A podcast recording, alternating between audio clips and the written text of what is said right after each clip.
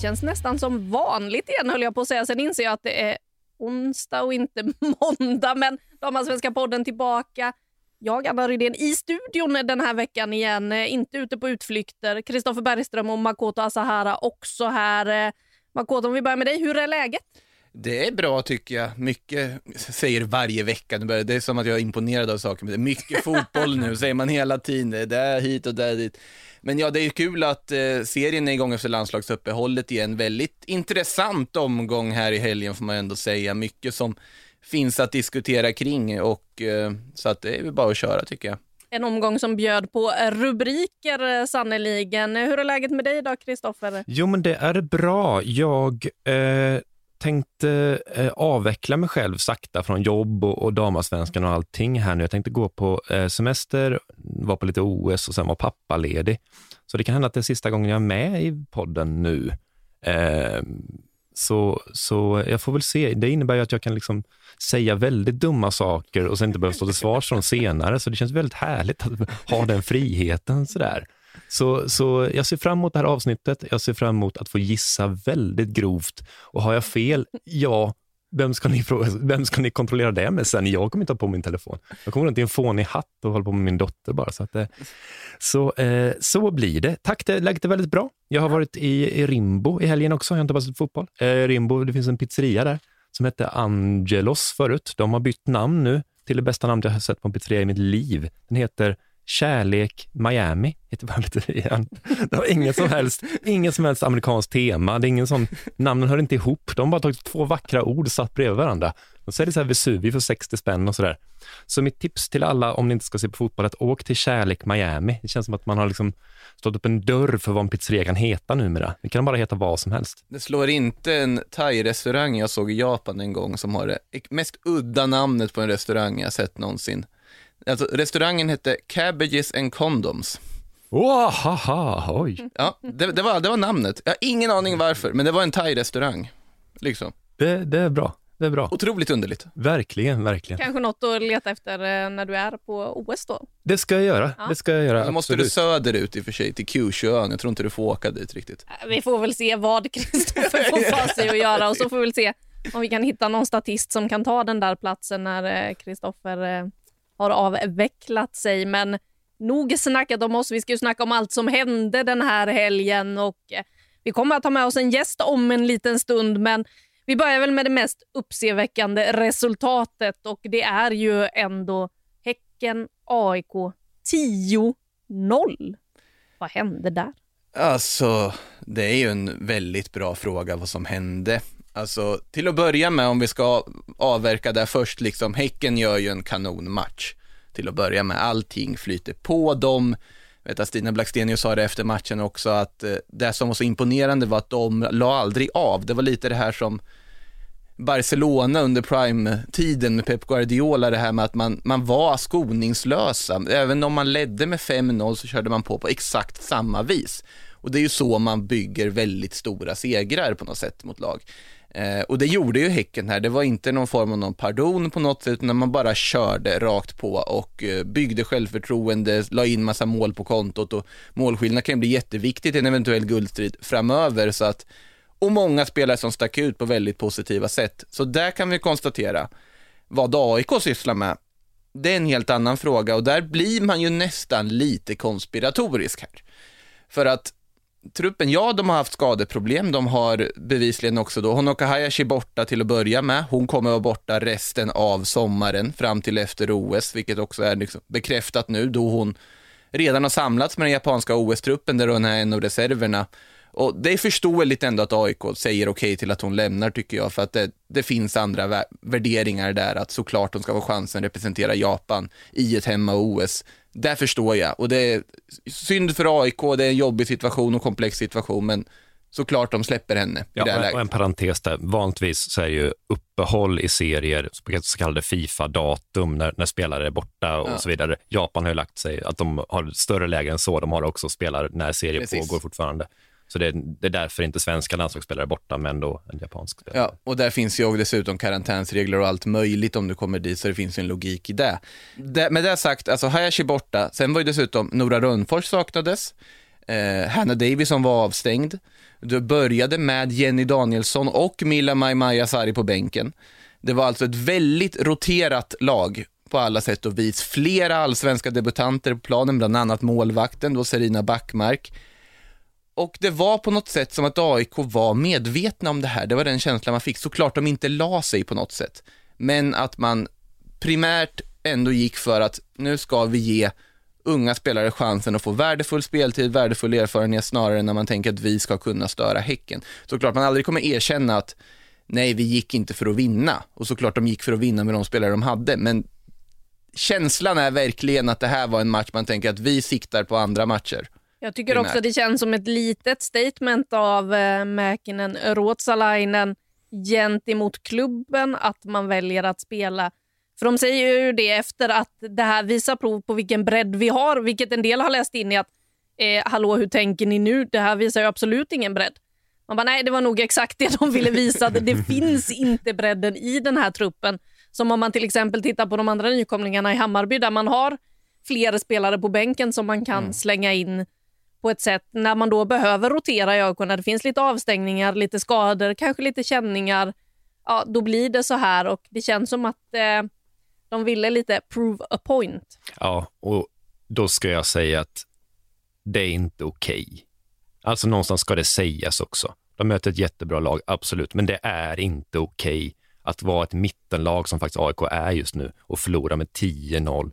Och när du pratar om eh, från Häckens håll att de inte ger upp, det är en sak. Men att man inte ser en tydligare reaktion hos AIK. Släppa fyra bollar i början, ja det är ju kört. Eller fem släpper de till och med. Ja, men då måste man se en reaktion. Det måste bli supergrisigt. Man måste visa en sorts stolthet att okej, okay, men då torskar vi med 6-0 bara den här matchen eller någonting. Man måste försöka låsa på något annat sätt. Eh, man kan inte göra så här. Man kan inte släppa fem mål först och sen släppa fem mål till bara. Eh, det låter så banalt att säga det, men någonstans så det handlar lite om en klubb-DNA också. Alltså man, man vaskar inte en match, man vaskar inte en halvlek. Man någonstans, nej, det är klart de inte har stor chans att vinna den här matchen. Det, det är en på 40 före matchen de ska kunna vinna den här kanske. Det, är helt, det ser ju jätteilla ut. Men någonstans så måste man banka in i sitt lag att vi är jävliga att möta fortfarande. Vi har en stolthet. Vi, vi släppte många bollar, men vi har en halvtimme där vi gör allting perfekt eller något liknande här. Här finns ju ingenting att ta med sig. Det här är ju bara, okej, okay, några spelare fick spela, ja, men bara spela en 10-0 förlust, alltså det, det, är ingen sån social Vad ger det för också för självförtroendet Nej. att spela den matchen? Här, vill jag ju plocka upp någonting som jag ändå kan se som positivt. Mm. Och det är att Backmark i målet, allsvensk debutant, hon har släppt in 10 mål, de flesta har hon alltså inget att göra på liksom, det finns ingen chans för henne att rädda dem. Men vem är det som står och håller ner siffrorna i slutminuterna? Jo, det är Backmark med flera jättefina räddningar. Det talar för ett ganska bra alltså pannben på den spelaren och där ska hon ha all heder och cred för. Det är inte målvaktens fel. Det tycker jag är en viktig mm. aspekt att poängtera och det är absolut inte heller de tonåriga debutanternas fel att det ser ut som det gör. Sen är det ju ett kollektivt fatalt misslyckande såklart. Men det är inte debutanterna som gör bort sig, utan de kastas in i en liksom, miljö som de inte är redo för. Det är ju bara så enkelt. Så är det. Och, och ett sånt ytligt tecken bara, det är att AIK har alltså en varning i matchen, en sen varning bara. Eh, det är ett svaghetstecken ja. en sån här match. Alltså ja. att nej, du måste reagera på något vis. Det är till och med nytta, ibland kan det vara att när du går upp, att du, ja, men du bara trycker till någon för att bara tända ditt lag. Du måste, någon på plan måste signalera att det som pågår är inte okej. Okay. Vi ligger under med 6-0, matchen är körd, men då måste man också markera att vi kommer krympa ihop nu, vi kommer spela döda minuter. Vi måste göra någonting bara. Det handlar inte om att ta poäng ens längre. Det handlar bara om någonstans att signalera. Det här är yppersta elitnivå. Det här är OS-silvermedaljörernas liga. Det är VM-bronsmedaljörernas liga. Det här är toppligan. Vi är ett mittenlag just nu. Vi måste någonstans, någonstans stå emot lite bättre. Eh, det är inte målen i sig, utan det är matchbilden och det är någonting eh, från coachhåll också. Ska de markera mot sin ledning, om det nu är det de gör, så är det fel sätt att göra på. Man gör inte det på i en tävlingsmatch på det här sättet. Och tittar man eh, också på det, så det här är ju liksom en 10-0 förlust och många debutanter i laget, men vi har ju också sett dem möta Rosengård. Då blev det 7-0. Mm. Då var Hanna Davison på plan, då var Milla Maimaya Sari på plan. Då hade man det laget. Mm. Man har, hon och Hayashi spelade. Så det är ju inte en engångsföreteelse heller riktigt. Nej, nej. Och den, jag, jag tyckte lite bättre om AIK den matchen. Det är inte bara siffrorna heller där. Jag tyckte lite bättre om det. var en fruktansvärd platt match. Ja, det var det. Men på något sätt var det lite mer temperament i den matchen på något vis där. Det här var som att det liksom redan från början, det, var, det fanns inte där överhuvudtaget. Och det var, eh, det är man inte van vid att se. Det är ju på något sätt att gränsen också går på det där liksom mytomspunna tvåsiffriga resultatet att om det varit 9-0, då hade vi suttit här och tokhyllat eh, liksom BK Häcken för allt de gör offensivt.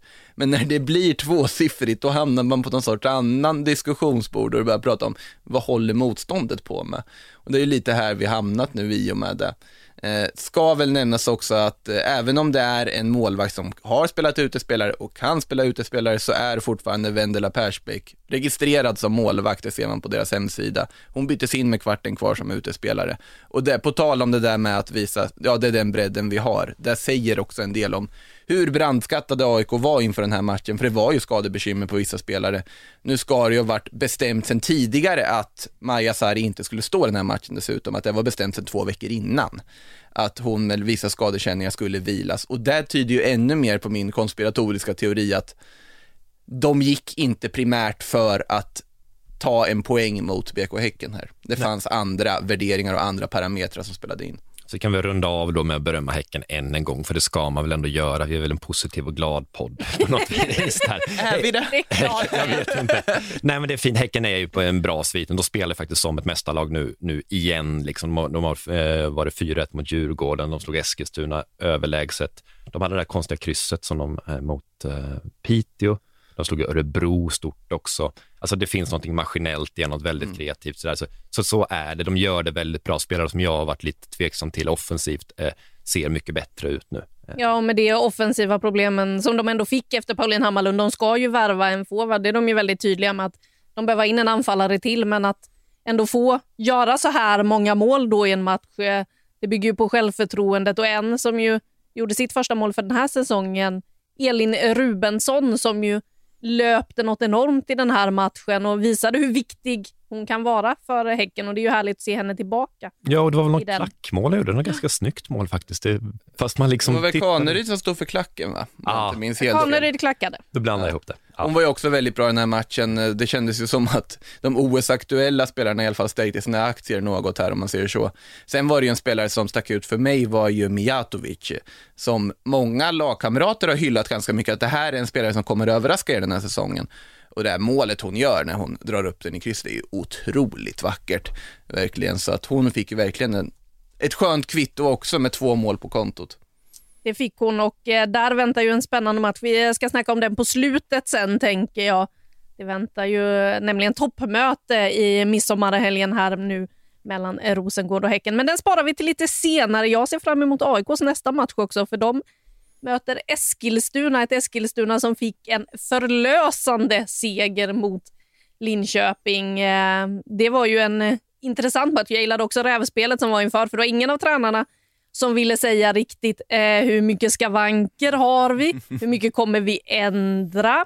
André Jeglets eh, presenterade en formationsmässigt 4-4-2 tror jag med Petra, eller om det var ett femman, jag kommer inte ihåg riktigt, men Petra Johansson stod som inne mittfältare och lite sådär på den formationen som fanns inför. Så var det ju absolut inte, utan Petra Johansson spelade ju en trebackslinje tillsammans med Nilla Fischer och eh, Emma Lennartsson.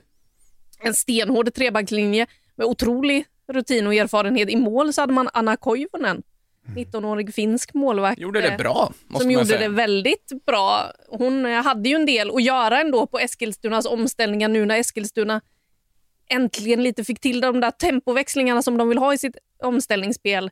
När de vänder spelet, kom till en hel del chanser. Men man blev lite orolig efter första halvlek att de inte skulle lyckas göra mål för det, det radades upp chanser för både Rogic, Kulaschi, Fanny Andersson hade kanske den bästa chansen efter en Fin passning från eh, Kulashi, ett instick i straffområdet där då Koivunen kommer ut och gör sig stor. Men så eh, pratade de ihop sig lite. I andra halvlek slår Anna Oskarsson ett fint inlägg. Hon hade några sådana i matchen där Loreta Kulashi då dyker upp bakom ryggen på Emma Lennartsson och gör mål. Det blir tre poäng. Och Man såg på tränare Munken där hur det bara rann av från axlarna. För det här är ju ett lag som har haft otroliga problem. ja, säsongen. och det målet måste vara väldigt skönt för Munke för att Eskilstuna är ju mitt i en förändring där de inte vill vara ett kontringslag längre fast de har den truppen och den vanan. Och målet de gör det är på KIF Örebro ner. De drar ner två spelare på inspark, så man har två vägar fram. Och därifrån rullar man hela vägen då och, och krossar över planen och så till slut ett, ett diagonalt inlägg då och, och så Kulashi som är mål. Det är precis det på egen kraft på något vis. Ett, det, själva det momentet hade blivit mål mot nästan vilket lag som helst i serien. För det, det är hela vägen. Allt är liksom meningen i det målet. Så det, det är ett väldigt vackert mål. Ja, det, de möter ju ett av seriens absolut starkaste försvar också ska sägas, så det här är ju ett jättestyrkebesked och eh, framförallt så otroligt viktig trepoängare att ta på hemmaplan dessutom. De har haft lite problem under säsongen så att eh, för Eskilstuna som lag, som grupp, som stad, allting så var ju det här drömresultat verkligen där under måndag. Verkligen, för det är ju så i den här tabellen att vilket lag är egentligen tredje bäst? Det är inte helt enkelt att säga, två bästa är ganska mm. lätt att säga, men tredje bästa är poängmässigt är det rätt tajt mellan lag som vi har krisstämplat och lag som vi har succéstämplat. Det är ganska lika liksom på något sätt där. Någon trea hit och dit, ja men då, då syns det inte riktigt vilket lag som det är som det är kris i. Och, och, så är det ju nu. Liksom. Vilket, alltså nu, nu har vi Kristianstad och Hammarby som är hugger på det just nu.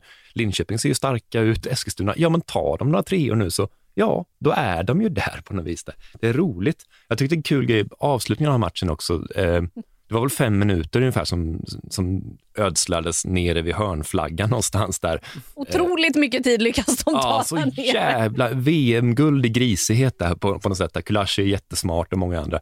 Och det sista som händer i matchen, alltså matchen är slut i princip, då gruffar Kulashi och, och Johansson, Peter Johansson just, det blir alltså varning och slutsignal samtidigt och då är det Petra Johanssons tredje varning så hon är avstängd nu efter det. Alltså det känns lite onödigt, men det var väl tvunget på något sätt att bli så. Men, men det, så hon kommer inte spela nästa match på grund av en varning som är liksom ett spelmoment fast matchen är slut. Det är, det är udda. Jag är ju svag för varningar från bänken.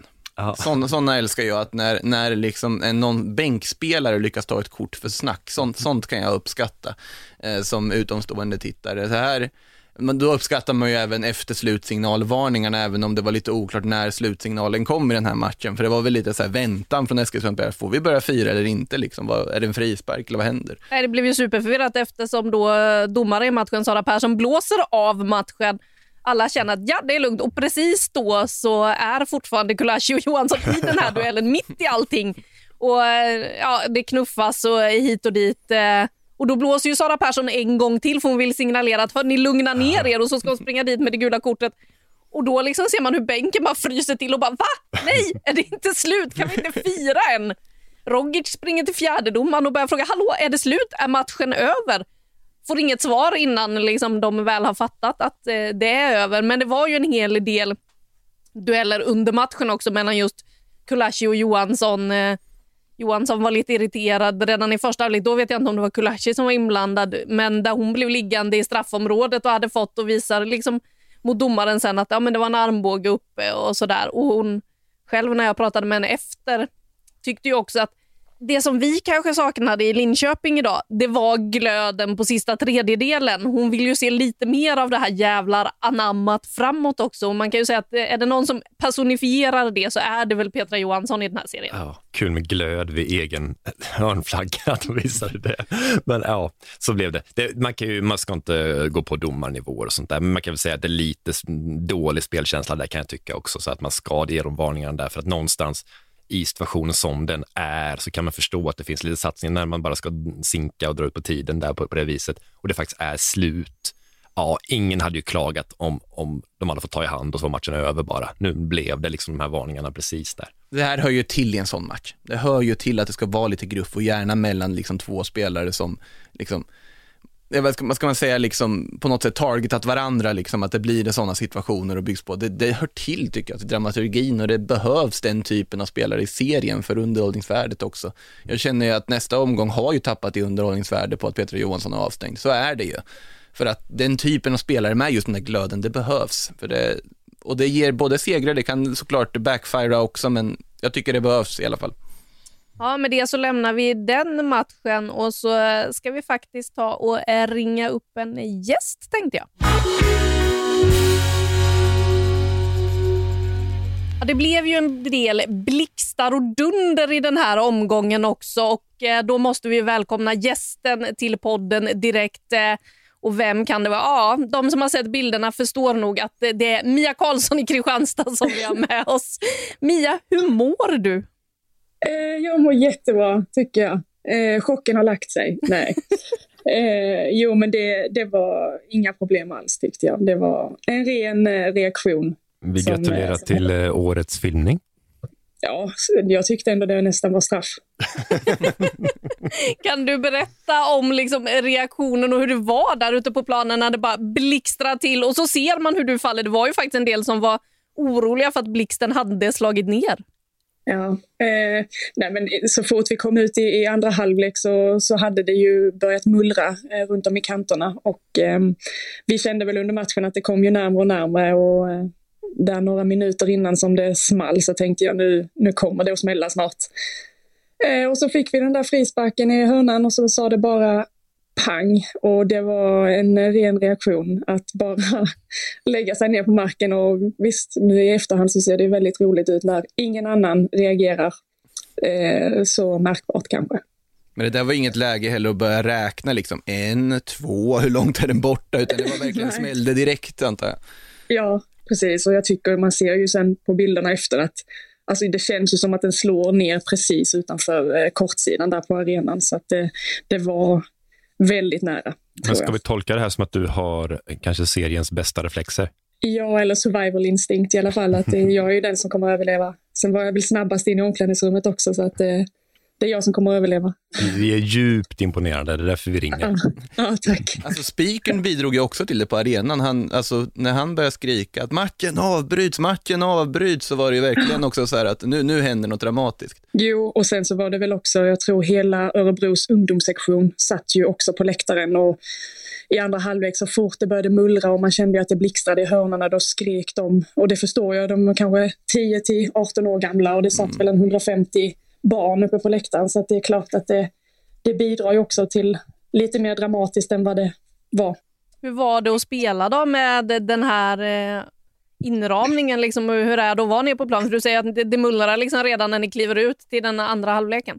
Eh, det var nog kanske inte någonting man tänkte på under matchen förrän bara precis eh, innan den, den, stora smällen kom. Men det, som jag sa, de här tjejerna också som satt uppe på läktaren, att det, det bidrar ju ändå till att att man kanske går och, och, tittar upp i himlen lite och man såg ju verkligen hur svart det blev på himlen eh, ganska så snabbt och, och sen så började det ju ösa ner.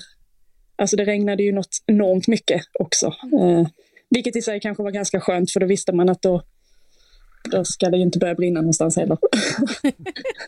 är det ändå skönt att hinna tänka den tanken också i allt det här? Det är Men... säkert bara jag som gjorde det med. Men du, det här klippet eh, på när du faller, det spreds ju friskt av dina lagkamrater efter, det får man ändå säga. Ja, och det får jag väl bjuda på. Eh, nej, jag såg mig nu på TikTok så var det någon visning som hade 350 000 visningar tror jag på något eh, Sportbladet. Eh, nej, det är roligt, det är skitroligt, det är inget jag tänker på. Ursäkta, vi tänkte bara lägga ut målen men så kunde vi liksom inte hålla oss riktigt. nej. Nej, jag såg det var i slow motion också till och med. Så det blev ännu roligare. Vad har du fått för reaktioner då? Eh, nej, det var väl mer att de, det var väl vissa som har ringt och, eller skickat sms och frågat om jag är okej. Okay. Och sen när man har förklarat att det är absolut inga problem så då har det väl blivit mycket skratt också såklart. Väl extra skönt också nu, om man går över till det sportsliga lite smidigt här, att det blev ju tre viktiga poäng. Det kanske gör det lite lättare också, alltihopa. Jo, ja, mycket, mycket. Ja. Bara innan vi släpper blixten helt, har du ett ärr i pannan nu eller? Eh, jag såg en bild där va? Nej, det var väl också lite att spinna på det, spinna på det ännu mer att eh, i och med att det var så många som hade hört av sig och frågat om man var okej. Okay. Och, och sen blev det också att media förstorar ju också upp det och, det och det spekuleras i kommentarsfälten om att äh, men det var någon som hade sett blixten trilla, alltså slå ner på plan och ja, det bara blev så mycket av allt. Men inte vi i media sådana som överdriver sådana här bagateller. Nej då. Nej då. Du, ni, vi vet ju inte vad vi har er riktigt. Alltså, ni gick eh, flera matcher, fyra matcher tror jag det var, utan seger, och så kom det här nu. Var, var har vi er? Nej, men samtidigt så känns det väl ändå som att vi, vi, vi hör hemma där uppe i, i toppen. Um, det är väl fortfarande ett litet gap upp till Häcken och Rosengård samtidigt som att när vi väl, väl möter de lagen så tycker jag alltid att vi presterar väldigt bra. Mm. Sen är det klart att det är tråkigt när det blir sådana här plumpar i protokollet när vi tappar poäng mot AIK hemma och, och förlorar mot Hammarby. Eh, som gör att resultaten blir inte alls vad vi vill. Nej, och det är ju ganska dåliga matcher ni gör där. Ni har ju varit väldigt bra mot Rosengård och, och nu senast. Men, men varför funkar det inte mot, mot Bayern och AIK? Eh, svårt att säga eh, faktiskt. Det, jag, vet, jag vet inte. Det, det, är så olika matchbilder och sen vi pratar lite nu, vi kan inte göra en jättebra prestation heller egentligen mot Örebro, men vi får ändå med oss två poäng. Mot AIK så blev det inte två poäng, utan då hade vi förtvivlat svårt att få in bollen. vad så... lever du i för tids... lever, lever på 80-talet, eller vad är det? Med dina två poängare? Sa jag två poäng? Ja. du kanske upprepade också? Ja, det gjorde jag säkert. Handbollsstaden Kristianstad är det väl också annars kanske? Nej, men om vi skulle få två poäng till. Mm. Ja, jag fattar. Det är sånt ja. som jag, vet, när jag säger sånt så klipper vi bort det i podden. Men när gästen ja, ja. säger det, då, då, då gnuggar vi in det. Det är också Kristoffer som var med på tvåpoängstiden som direkt tänker att eh, det är det vi relaterar till nu. Ja, Oj! Oj! Så gammal är jag inte. Nej. Nej, vi lämnar det till Kristoffer. Ja. Du Mia, Kristoffer var inne här också på att eh, vi inte vet vad vi har er riktigt eh, eh, så här långt den här säsongen. Vad har vi dig? Är du anfallare? Är du mittfältare? När ser vi dig i mål? Du verkar kunna spela överallt. Ja, men jag var faktiskt var det mot eh, Vittsjö tror jag hemma som eh, vi hade lite problem. Vår Melina som stod nu har stått de senaste matcherna hade fått eh, åkt på någon eh, Alltså hon hade en operation, i, gjorde en mindre operation, så hon var liksom inte riktigt tillgänglig. Och Brett har väl varit lite småskadad tyvärr, så då var jag andra målvakt i den, i den matchen. Är det sant? Jajamensan. Men sen så satte vi ändå in Melina i, hon var i alla fall uppställd i, i matchprotokollet eller vad man säger. Men du kan vara målvakt också? Men jag kan allt. det måste ju vara fantastiskt för Beta att ha dig i laget ändå. Jag är den enda som ställer upp. Jag har varit med så länge så att jag bara säger ja när hon frågar grejer. Du, jag ska ta semester och vara pappaledig och sånt. Eh, det behövs lite krönikor. Kan du ja, fixa ja. det? Gud ja. Perfekt. Nej, men det är som sagt, eh, hon, eh, Beta gillar väl att, att laborera lite och eh, som då under försäsongen när jag testade att vara forward där i två veckor och fick väl kanske ingen förklaring heller ut, men mer än att jag var tillbaka på min plats eller på, på wingen sen eh, två veckor senare.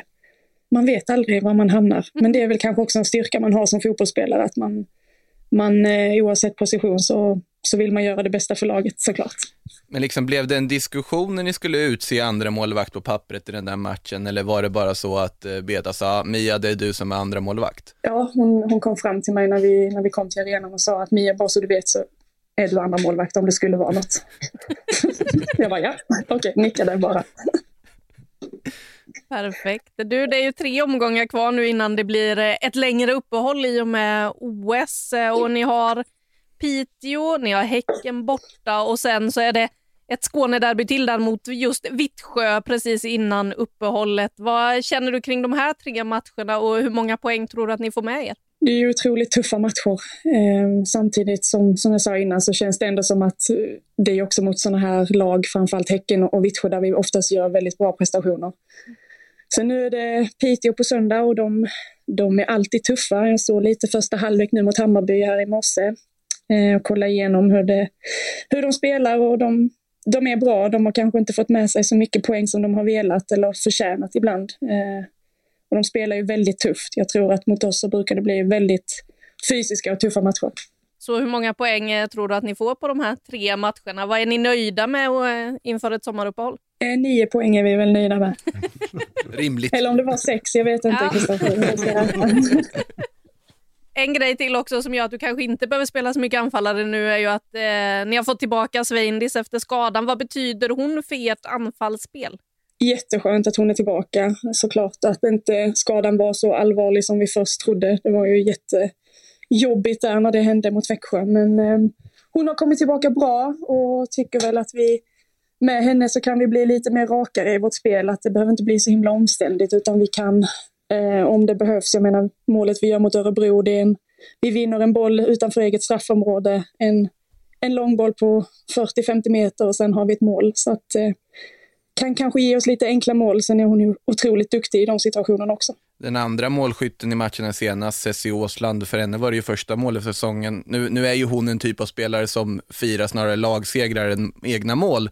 Men hur viktigt tror du det var för henne att bryta den målnollan? Jag hoppas att hon kände att eh, det släpper lite från axlarna såklart. Eh, hon, hon gjorde ett bra inhopp och hon visar ju alltid med sin karaktär och otrolig vinnarskalle att hon är, hon är jätteviktig för oss i, i laget. Och just nu när det, när det ändå har gått bra för henne så tycker jag att eh, då får vi spinna vidare på det. Jag tycker ibland ni har blivit lite tröga. Att ni blir lite, mm, ja, rullar i sidled, att ni inte riktigt um, är så flödande som i fjol. Har, har ni pratat om det eller är min analys bara korkad? Men ja, absolut. Och så kände vi kanske mot Örebro. Och det handlar väl också med motståndet som vi, som vi möter, att Örebro blir väldigt låga. Eh, och då och då vill vi liksom rulla i backlinjen och det, det kan vi göra bra. Men sen är det ju hur vi löser de här nycklarna till att komma in i sista tredjedelen och faktiskt omsätta vårt possession i rena målchanser. Eh, mot Rosengård så, så pressar de oss högt över hela banan vilket gör att vi tvingas spela snabbt och då löser vi faktiskt situationerna väldigt bra. Så det är väl mer att vi, vi reagerar olika på vilka motstånd vi möter. Men jag kan hålla med om att ibland så, så känns det lite trögt att vi inte riktigt eh, hittar in till de här heta målchanserna. Mia, vi tackar dig för att du tog dig tid att vara med här i podden. Tack så jättemycket för att ni vill ha mig. Och så hoppas vi att eh, du inte märker av några men av den där mm, blixtnedslaget framöver. Nej, jag hoppas bara att jag blivit lite snabbare kanske. Får vi se på söndag. Ja, imponerande reflexer visade du prov på i alla fall. Tusen tack, tack. Mia! Tack, tack. Ha det bra. Ja, och eh, Mia Karlsson alltså med där från Kristianstad. De ligger ju just nu trea i tabellen. Du var inne på det lite tidigare, Kristoffer, att det är svårt här med skikten i den här tabellen och vilka som egentligen är tredje bäst. Eh... Ja, och vi är väl lite som någon sorts eh, astrologer eller vad heter det, grafologer eller någonting. Vi ser tecken i precis allting här och, och ska se hur en tabell är. Det har inte gått halva serien än. Någonstans du kommer det hända mycket. Du skulle sticka ut hakan och se massa saker idag. Så Jaha. vad ser du? Eh, I tabellen ser jag inte ett skit just nu. Jag ser att eh, men, men jag kan väl gå in på lite spådomar då, om ni vill det. Då. Ja, men kör! Yes, eh, då ska jag säga tre saker som jag vet kommer hända. Eh, om det inte har hänt sen så har ni ingen ens ställt till svars för detta, så det är ingen fara för mig ändå. Jag säger Vi kommer att, åka ut till dig i Gustavsberg. På, på resterande 13 matcher så kommer Växjö släppa in tre mål, men de kommer ändå inte vinna en enda match i år. Eh, det kommer hända. Eh, de har alltså alltså släppt in ett mål på tre matcher. Eh, jag tror att ingen av Rosengårds trio av nummer nio forwards, alltså Anna Anvegård, Mimmi Larsson eller Stephanie Sanders, slår sig in topp fem i skytteligan. Och då pratar jag om lagets interna skytteliga. Och jag tror att AIK kommer värva väldigt tungt nu i sommarfönstret. De kommer ta in två nya målvakter och målet är att de ska täta lagets mittfält. Fyndigt. Sen har jag skrivit tidigare att Rosengård kommer vinna serien med sex poäng, tror jag sa någonstans. Jag tror att jag hade fel, de vinner med nio poäng tror jag också. Ja, jag håller fortfarande fast med mitt text. Eh, tips på Häcken, men du var ju inne på någonting här med Växjö. Vi har ju inte pratat om den där ångestmatchen som ju faktiskt spelades i helgen. Den vi hypade inför, eller förra veckan, som att det här är det stora vi ska se på. Sen var det inte så mycket att se på väl när vi liksom tittar på den. Nej, 0-0 på Visma Arena i Växjö. Vilka, ja. hur mår folk efter det? Ja, det, det kan jag berätta om, för jag har mässat med en av dem som mådde sådär. Djurgårdens back Fanny Lång, en spelare som vi återkommer till ganska ofta här, som har gjort två bra matcher i rad efter att ha varit mycket på bänkarna och sådär. Gör en jättebra match där faktiskt, en av, en av de bättre. Det slutar ju med då att hon eh, lägger ner, verkar nästan tuppa av på planen. Det var väl 33 grader eller något liknande. Hon verkar helt, helt slut. Eh, hon har tidigare tagit ett, ett gult kort, taktiskt slått undan bollen bara för att låta sitt lag vila och sådär. Eh, jag kollar hur, om hon lever nu och sådär. Det gör hon, men hon skriver så här. Jag trodde jag skulle svimma. Jag skulle gå på toaletten efter matchen. Jag tog ner locket istället för att lyfta upp det och sen satte jag mig.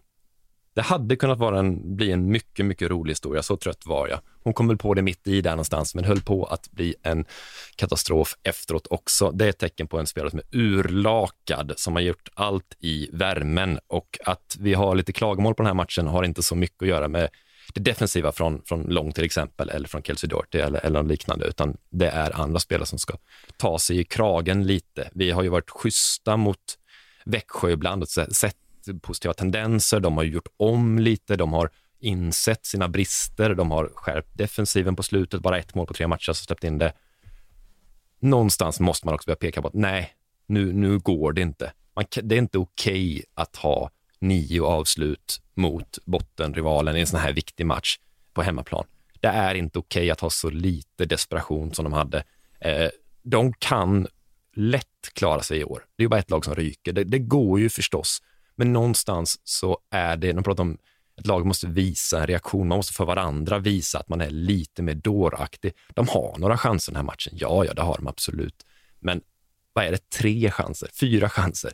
Det är liksom inte riktigt bra. Alltså någonstans, det är ju halvchanser tycker ja, jag. Ja, och det är lite banalt att säga, men alltså, du ska nästan slå pannan i stolpen någon gång. Ska, måste, någon måste väcka laget lite också. Man kan inte vänta på en sommarvärvning av en forward eller något liknande. Det, det har man liksom inte. Det är flera spelare som lämnar planen utan att ha skjutit. Det kanske är en sån här match, fast det är varmt. Det kanske är för varandras skull. Man måste visa att jag gör någonting extra här nu. Jag tar i lite extra jag, jag, jag, bara kastar iväg ett, ett jävla skott och jag springer fram. Jag tar till och med ett gult kort för jag hugger på målvakten på returer. Någonstans måste någon, någon i laget måste visa den lilla extra glöden för att visa för de andra att vi är inte ett lag som går nollade från en hemmamatch mot Djurgården. Lite mer Petra Johansson-attityd? Ja, faktiskt där. Någonstans så, så är det ju inte det, alltså inget lag gör det riktigt bra den här matchen, så är det och det är ju hett för dem. Ja, ja, absolut. Men, men, men Djurgården, för dem är det lite mer en seger åtminstone att, att undvika, alltså de inte, att de undviker jumboplatsen lite grann sådär. Eh, men jag är inte nöjd med, med det Växjö gör med tanke på att de har jobbat i, i veckor, framför allt nu då på att verkligen hitta ett, ett systematiskt sätt att skapa målchanser. Ja, det gjorde ni inte. Alltså du håller med om att det är ju mer än vunnen poäng för Djurgården, men alltså jag kan inte släppa ändå att det finns någonting som gnager i mig när jag ser Djurgården under de här senaste matcherna. Alltså att inför Eskilstuna-matchen förra omgången, ja då var det ju snack om att nu måste de vinna. Nu har de Eskilstuna, de har Växjö. Tränarteamet, de gör en ganska tydlig taktisk förändring, de går ner på en 5-3-2, tätar till bakåt. Får den här krigarinsatsen mot Eskilstuna, får tre poängaren, åker till Visma Arena, ganska jämn första halvlek ska sägas, men sen då i sommarhettan, i värmen och så vidare och med tanken att ja, men vi har ju en poäng. Det är i ganska bra i det här läget att hålla avståndet neråt. Så blir man väldigt tillbakadragen när man låter Växjö ha kommandot och sen efter att ha fått fyra poäng på de här två matcherna, det är inte läge att klaga, det är inte läge att ifrågasätta, det här är ju uppenbarligen det som Djurgården precis behöver just nu, ett system som funkar för att ta poäng. Och ett 5-3-2 system när ett lag ligger lågt och sen går på lite kontring och så vidare, det är ett av de mest svårforcerade systemen som finns. Det blir ingen underhållning av det, det är inte roligt att titta på, men man stänger igen, du kommer få dina poäng. Och om de spelar så här resten av säsongen, då kommer de klara sig utan problem. Men vad, på något sätt så känner jag ändå, borde inte Djurgården vara bättre än att gå ner i en 5-3-2 borta mot tabelljumbon? Att låta en tabelljumbo som inte kan göra mål föra spelet på det sättet Ja, det är väl rätt för Djurgården här och nu, men jag blir ändå på något sätt fundersam att borde inte Djurgårdens truppbygge, borde inte de spelare de har, allting de har, alltså förespråka en bättre fotboll, en mer underhållande fotboll. Jag säger inte att de ska börja gå ut och possession-spela sig till segrar från ingenstans och jag förstår ju varför man gör det och det är rätt nu, men någonting gnager i mig ändå när jag ser det, för jag tycker att Djurgården borde vara bättre än att behöva spela på det här sättet i en match mot Växjö. Det är väl bara att titta på vilka de värvade inför säsongen. Är det de som är i fembackslinjen? Nej, det är det inte. Man var, värvade ju den offensiva kompetensen. Man skulle fylla luckan efter Olivia Skog. Man skulle hitta de offensiva spelarna.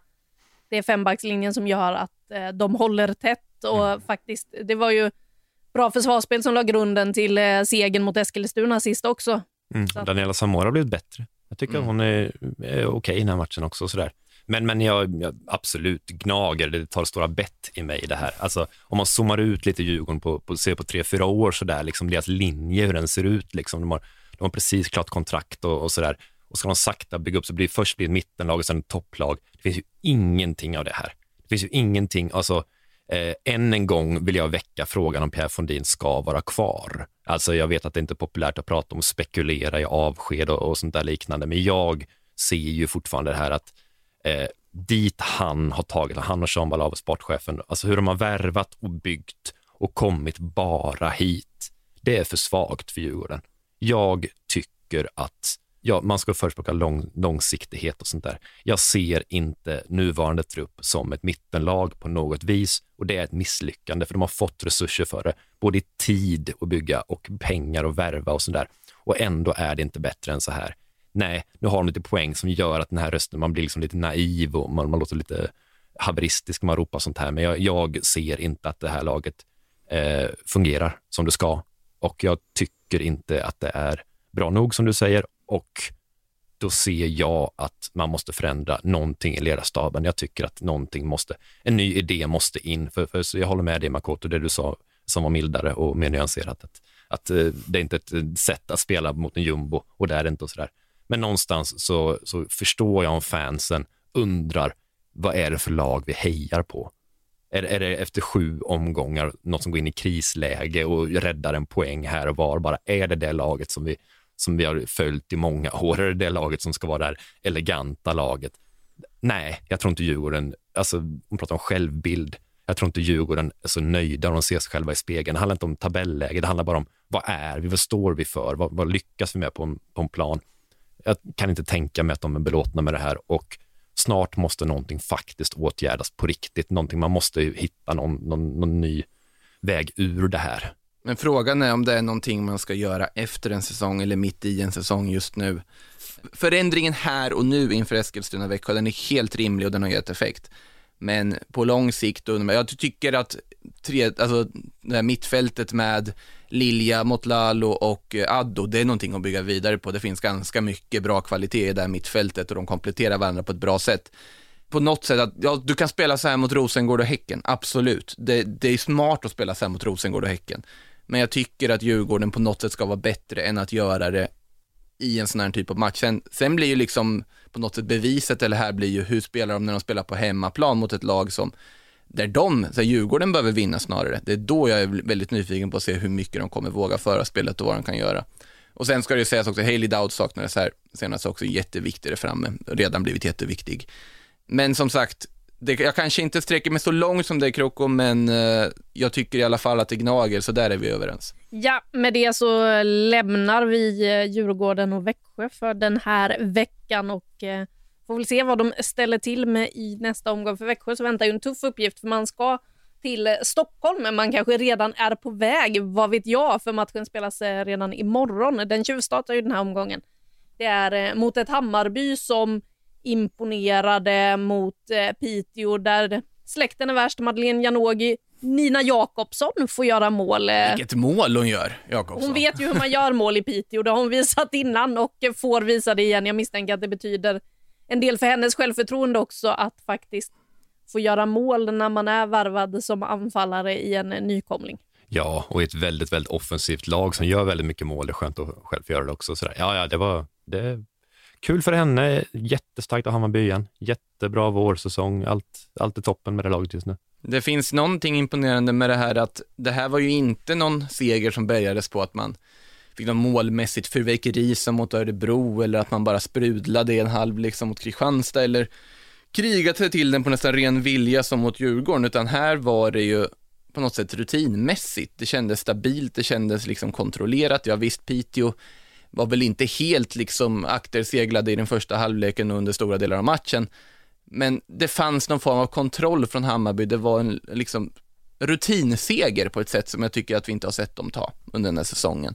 Och bara det var imponerande. Och sen såklart, släkten är värst det är den mest uttjatade journalistiska term man kan ha i en matchtext, men det var ju svårt att undvika den efter att Madeleine Janogy då ändå lite subtilt firat målen mot Piteå. Hon var ju, gav ett leende i alla fall, eh, men sen var det ju också ändå mycket respekt att det inte varit någon sån super-eufori som hon sa själv också efter, att det hade hon ändå tänkt på innan att hålla ner det lite mot eh, sin gamla arbetsgivare som gjort så pass mycket för henne och de fina minnen hon har från Piteå. Men det var ju också, Hammarby är ju att slåss om den här Champions League-platsen.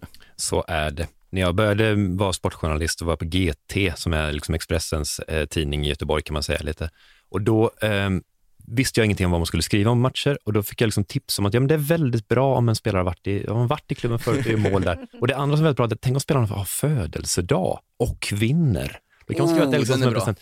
Så kom jag liksom upp med de, de liksom standardvinklarna på Sportbladet. Jag har en riktigt bra grej nu. Stefan Selakovic fyllde år och Göteborg vann. Ja, sa en chef. Och vad är vinkeln? Ja, det är det alltså, fyller år och vann. Hörde du? Jaha, har du något annat? Ja, han har spelat i Halmstad. Va? Och, ja, nej, det, det, det finns väl något intresse förstås att, Janogy har spelat i Piteå, så, men, men, men som sagt, jag, jag, jag stryker mer under på det andra du säger där, att de beter sig verkligen, elitettan, tvåan från i fjol, beter sig som ett övre halvan-lag på, på rutin bortom Piteå. Det, det trodde jag inte skulle se, det är häftigt. Och apropå Madeleine Janogy så är hon ju en av spelarna som slåss om en plats i OS-truppen. En trupp som ju Peter Gerhardsson har skjutit på att ta ut. Vi skulle ha vetat nu egentligen vilka som får åka till Tokyo. Men eftersom Peter Gerhardsson inte vet om eh, Jag vet reserverna själv vilka som ska få åka till Tokyo. Nej, och om hur han ska använda reserverna framför allt. För det som är frågetecknet här är ju om reserverna kommer räknas in i truppen, alltså om man har 22 spelare som han kan använda under en match. I så fall vill han ju ha en viss typ av spelare, kanske lite mer offensiva krafter för att det det är oftare där du byter under en match. Eller om de kommer sitta i en liten reservbubbla och bara få plockas in i truppen om någon annan skadas. Då kan det ju vara som så att det måste finnas något försvarsalternativ till exempel i den där bubblan om någon går sönder. Så att, ja, han har valt att skjuta på det där och det innebär ju att han kan titta i lugn och ro på Rosengård-Häcken innan han tar ut den här truppen. Olivia Skog slog ju till med ytterligare ett drömmål i helgen som var. Man vet hur hon gör mål nu för tiden. Hon kan det där med att bryta in från kant och bara avlossa. Ja, Och här är spännande att Vittsjö vet ju vad som väntar. De ser henne, de har god täckning, men hon lyckas vricka och vrida lite och sen panga in den. Jag tycker att det nog är omgångens mål för att det är ett väldigt avgörande läge. Det är väldigt skickligt gjort att ha bevakning på sig. Det är liksom inte en mot en, utan det är en mot en backlinje på, på sätt och vis. Som de vet om att de måste hålla ute skog och ändå kan hon göra det. Och hon har inte jättegod vinkel när hon pangar in den där. Det, är- det är väldigt skickligt gjort. det. Eh, och Skog, klart, hon är med även om det bara är 18 i truppen. Janogy då? Ja, Jag vill ju det. Mm. Jag tycker fortfarande Janogy är en eh, viktigare spelare i landslaget än vad Rytting Kaneryd är till exempel, om man, om man ställer dem mot varandra som det kan handla om i det här läget. Du menar alltså skillnaden mellan våra trupper? Ja. Ja, det menar jag precis det. Precis det. Ja, och, och det, det säger jag för att eh, Janogy ja, har mer rutin, har mästerskap och sånt, absolut. Hon, vi vet från VM senast vad hon kan göra när hon kastas in för att röra till det lite, att driva med boll på ett sätt. Eh, men också det vi har sett i, i damallsvenskan i år, att hon kan döda tid också för henne. Hon kommer nog inte vara en startspelare. Ingen av dem kommer vara det. Eh, den som kommer med tror jag inte. Men ska man kasta in de sista kvarten, då vill man antingen att det ska rivas om för att man jagar ett mål, men lika troligt vi ska rädda en, en seger eller en poäng eller liknande. Har vi någon som kan sticka ner till hörnflaggan, hålla i och, och trycka emot? Och där tycker jag att Janogy är en klokare och starkare spelare just i det momentet. Och det måste man faktiskt tänka på i det här läget. Eh, För det kommer bli varma, täta matcher i, i Japan. Så jag ser gärna, jag skulle gärna i 1-0-ledning mot ett bra lag slänga gärna in Janogy för att avlasta och för att hålla i boll och vinna offensiv frispark. Och även i ett underläge, det är det som är hennes styrka också, att hon, hon har ju den där X-faktorn som ingen annan har riktigt också, att hon kan skapa målchanser från intet. Eh, jag håller helt med om att jag tycker hon också hör hemma i en trupp. Det tycker jag också egentligen, men hon får inte en plats bland mina 18 just för att hon är eh, ganska renodlad i sin position ändå jämfört med Rytting Kaneryd. Rytting Hon är Kaneryd ingen kan, wingback som alla andra. nej, Rytting Kaneryd kan fylla upp på betydligt fler platser och gjorde det väldigt bra under samlingen i eh, Kalmar nu. Hade det inte varit för den samlingen så hade jag inte haft Rytting Kaneryd för Janogy. Jag hoppas ju att de får till det här för att jag tycker att det är helt idiotiskt att reserverna ska få vara på plats i OS-byn men inte vara en del av OS-truppen. Att IOK säger att vi kan inte ha så många aktiva. Nähä. Okej, om de då får sitta i Fukuoka som tydligen det verkar som att handbollsreserverna eventuellt ska göra och sitta liksom en bit off, inte ta upp en plats inne i OS-byn och sådär. Men om fotbollen ändå ska få ha reserverna i OS-byn i närheten av truppen, då är det ju bara oerhört märkligt att de inte får räknas som en del av truppen.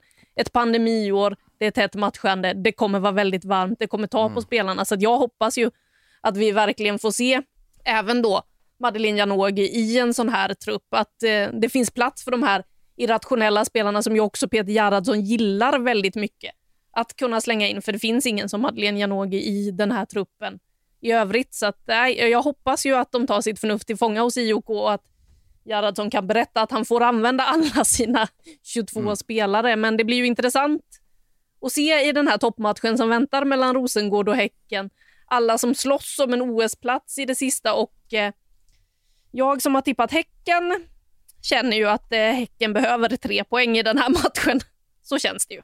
Ja, alltså med eh, fem poängs avstånd upp så är det ju inget snack om att Häcken för att både för att väcka momentum i guldstriden men också, också liksom känna att nu är vi med på allvar så behöver de tre poäng. Ett kryss så hamnar vi i någon sorts lika läge där eh, vi kommer fortsätta att se Häcken som en guldkandidat, men vi fortsätter se Rosengård som en ganska klar favorit. Jag skulle säga nästan att favoritskapet nästan på något sätt småvänder ifall Häcken bara är två poäng efter och plötsligt vunnit mot Rosengård där. Däremot om Rosengård vinner, då är det klart va? Då kan vi nästan konstatera att det är klart efter eh, tio omgångar. Alltså, Ska jag... det fortsätta firas nere i Rosengård då? För nu har de ju firat en hel vecka att Caroline Seger eh, har slagit det här rekordet och alltså, faktiskt är bäst av alla. Ja, med det sagt såklart de förtjänar varenda firande som finns, men det börjar nästan bli överdrivet när man, när man såg stora blombuketterna och hon såg nästan förvånad ut själv, bara fler blommor, vad ska jag göra med alla? Det var liksom den känslan man fick när hon stod där inför mötet med Vittsjö där och skulle hyllas återigen med nya så här 215 tryckströjor då som alla gick ut med tillsammans med Seger. Så att det är jättefint och det är ett rekord som verkligen ska hyllas på alla sätt och vis, men eh, Ja, Men kan, snart har hon spelat 216 matcher. Ja, vad har vi, vad, precis. Vad har vi kvar? Hon kommer ju fortsätta sin karriär ett tag till och så där, så att det blir nya rekord, ja. Äh, nya ja, Vi har väl Sjöstrand och deras ja, officiella firande som väntar också. De som alltid prioriterar mästerskap får väl se om de är i Tokyo då. Precis, precis. Fredrik Nilsson och Håkan Sjöstrand, alltså förbundshöjdarna, var inte på plats för att fira rekordet. Det är det vi, vi syftar på. Är det, men eh, farten på firande har ju Rosengård uppe nu. Håller du med om att eh, det är avgjort om Rosengård eh, vinner den här matchen? Eh, nej, det, det, är det inte. Men det är, eh, för det är en lång, alltså de kan komma i en svacka som i fjol till exempel. Vi får se den här mentala träningen de haft i år som de alltså inte hade i fjol, eh, hur den artar sig när det börjar skita sig, när det börjar bo grus i det här maskineriet. För att det ser ju väldigt, väldigt bra ut. Det är klart det gör. Men när man inte är riktigt på tå, det har vi sett i fjol, när man blir lite rullande och inte utmanar på kanterna och så vidare, och när det faktiskt blir ett riktigt problem att deras nummer nio inte gör mål, för, för så är det fortfarande. Så att Mimmi Larsson gör ett bra inhopp nu senast. Anvegård lär väl, lär väl sticka utomlands, eh, hon ska väl vara klar för Everton. Och, och Stefanie Sanders gör ju inte mål, hon har gjort ett mål. Just nu kan vi skoja lite om det, eller kanske jag gör det i alla fall, för, för att det går så bra ändå. Men någonstans är det ju ett litet problem om om det börjar så 0-0 i täta matcher och så här, då finns det plötsligt ganska många fallgropar här. Då, då, finns det ganska många Vittsjö och Kristianstad och Linköping och, man, och att möta som man ganska fort tappar. Tre här och två där och sånt och då, det kan liksom sticka iväg. Det, det har vi liksom sett. Nej, inte avgjort ens om de vinner det. Jag förstår att du inte menar det helt ut heller, men, men någonstans så så eh, kan ju Rosengård ändå fira ett kryss om, om, om, i det här seriemötet, alltså i mm. seriefinalen nu. Så är det ju. Det räcker ju med kryss för dem för att behålla det jättejärngreppet om serien, självklart. Ja, med det sagt så närmar vi oss väl slutet av den här podden. Det som då kanske är Kristoffers sist. Just det, just det. Eh, kan det? Inte, ja, men det är okej. Eh, jag mår ju bättre än vad Jenna Hellström mår just nu. Kan vi inte säga någonting om henne också? Så där, för det har ju hänt sen vi spelade in senast i alla fall. Det att hon då fick fem matchers avstängning, även om det var lite uppdelat på, på olika saker för, för det som hände mot Häcken för någon omgång sedan. Jag tycker, jag tycker det är skandalöst. Eh, jag tycker det är, är helt det. skandalöst att de får så många matcher. Så är det. Eh, jag, jag pratade med henne hon pratade om att är det jag för att jag är kvinna. Eh, vi kan bara snabbt berätta vad som hände. Alltså hon, hon har tidigt i matchen tar hon ett gult kort som är hennes tredje gula, så då har hon liksom en avstängning som väntar för det.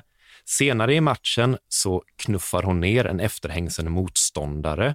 Eh, jag har kollat på situationen flera gånger. Jag har visat Makoto, du pratade om att det är ett givet rött kort, men ändå bra med temperament. Jag håller inte med. Jag tycker att det är ett gult kort. Jag tycker inte att det är så, så fult. Jag tycker att det är Alltså jag, jag, tycker att det är gult. Jag tycker att det skulle vara en annan gula, rött kort, det vill säga en match avstängning. Det som händer sen är att hon säger fucking worst ref ever eller något liknande. Ja, det är ju för sig inte så bra att säga. Det är väldigt dumt att säga. Mm. Eh, det är det. Och det sammanvägt det här då gör att straffet blir hårt, för det blir väldigt hårt om man som Kieferbo själva gör mäter mot eh, hur det ser ut när eh, Jordan Larsson till exempel sparkar ner en motståndare, när Kiese gör det, alltså gör mycket grövre saker, uppenbart om man tittar mm. på så är de grövre och leder till mildare straff, eh, vilket det blir liksom lite konstigt när man ser dem bredvid varandra. Men nu är ju helt enkelt räkningen så att bedömer man det som ett rött kort, hennes knuff, då är praxis typ två matcher där. Eh, och då måste man lägga på en automatisk match för röda och en automatisk för de tre gula. Och Fast då, plockas fuck. inte det gula bort på att alltså, du får ett direkt rött? Nej. Du läggs, du, läggs de på på varandra på det ja. sättet? Ha. Och nu klipp för guds skull om jag har fel. Nej, men jag, jag det är rätt säker på att det är så. Och då att man svär åt, åt domaren eh, på det viset, alltså det är ju orutinerat av henne att göra det. Eh, mm. Även om hon, okay, hon riktar inte mot domaren, men hon menar att hon säger det för sig själv. Ah, mm, vet inte riktigt allt som allt, när man summerar, det är något som går fel när, det är, när hon är borta fem matcher för, den, för det som händer. Någonstans så stämmer det. Det kan inte vara det. Det måste finnas någon form av... Alltså, även om man kan liksom spjälka upp det och se en logik i varje matchs avstängning, så summan är orimlig. Någonstans måste det finnas någon form av straffrabatt i det här på något liknande. Det kan inte vara så att man tappar henne en fjärdedels serie på det här. Ja, för det är ju där det är också här, det är ju en fjärdedelsserie. Ja. Om man tittar på en 30 matchers serie, då liksom fem matcher är fortfarande väldigt mycket. Mm. Alltså jag minns när, om man ska ta något så här Spanien-exempel, när Pepe då liksom sparkar sönder ryggen på en Getafe-spelare, liksom bara rista in dobbarna liksom och sen börja skalla folk på vägen nu. Han fick tio matcher och det var ju underkant. Men, och det var liksom ett enormt straff. Mm. Men jag tror att det som gör den här avstängningen att den blir så pass hård är att det är någonting riktat till domaren. Så for, domaren är en liksom fredad punkt. Du, du gör inte, alltså nu var ju, kan man diskutera hur, hur liksom illa var det hon sa till domaren. Såklart hon inte ska säga det, såklart att det ska rendera i kort. Det är inte det jag säger, men hur illa var det? Det kunde ha sagts mycket värre saker. Det är ju till exempel om det skulle vara fysiskt våld mot domare, som en knuff mot domare, ja då är det ju fler matcher, rakt av. Och det måste vi ändå på något sätt värna om att den, det ska vara en fredad punkt. Men jag håller helt med att fem matcher för det här jag hör nu sammantaget, det är överdrivet och snudd på skandalöst vill jag ändå ändra till. Och väldigt tungt för, för det här laget nu då, som någonstans, mm. vi, som förväntat haft toppar och dalar men, men Jenny Hellström är ju den viktigaste spelaren de har och mm. det kan ju ingen disciplin ta hänsyn till, såklart inte. Men väldigt, väldigt tungt, för det, det präglar deras säsong. De behöver henne som river upp, som ger liksom en, mm. en oförutsägbarhet mitt i det ganska trygga spelet de har annars. Och, och eh, utan henne så blir de ett, ett tråkigare och sämre lag. Ja, det sagt om Jenna Hellström och KIF Örebro som ju då mötte Kristianstad och Mia Karlsson som vi pratade med lite tidigare.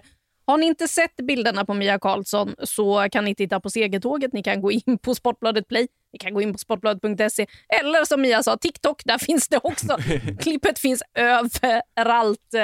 Och vill ni se matcherna hos damallsvenskan så är det ju Sportbladet Play som gäller. Jag kan också flagga för er som är lite sugna och hängt med hela vägen hit och vill se Rosengård-Häcken på söndag så kommer vi köra studioinramning på den med eh, en hel del intressant inför. Så att där drar vi igång redan en halvtimme innan så att ni är beredda på det. Med det sagt så tror jag det är dags att runda av. Kristoffer, det ser ut som du har zonat ut nu. Uh, ja, det har jag. Vi har en jättefin som klippbad jag ska vara på ganska mycket nu och sen ska det se. I Rimbo? Nej, jag var där på semester bara. Herregud, jag bor i Gustavsberg. Nej, nej. Ta hand om er. Jag, alltså jag ska bli en, en sån eh, lallare nu och, och se bara av ren lust. Noll procent analys när jag tittar på matcherna. Jag ska bara gå och se, bara för att njuta av, av härlig elitfotboll och hoppas på inte en enda jävla tvåsiffrig seger till resten av året. Ja, vi kanske söker upp dig apropå spådomarna framöver. Vi får väl se, men eh, ändå härligt att ha haft med dig den här tiden. Ja, tack ja. för detta. Det var himla härligt. Vi, vi ses kanske på galan, kanske får på mig en fluga och kanske kommer med på ett hörn där också, även fall det är eran show numera. eh, ta hand om och att vi drar in dig där. Ja, Om vi inte har ersatt dig med någon vettig statist. kanske, kanske. Ja, hörni, nu ska vi sluta snacka härifrån. Tack för att ni har hängt med oss eh, hela den här veckan. Vi hörs igen nästa vecka i alla fall. Jag och Makoto kommer vara kvar här, så att, eh, ja, vi hörs då hörni. Ha det fint! Hej då.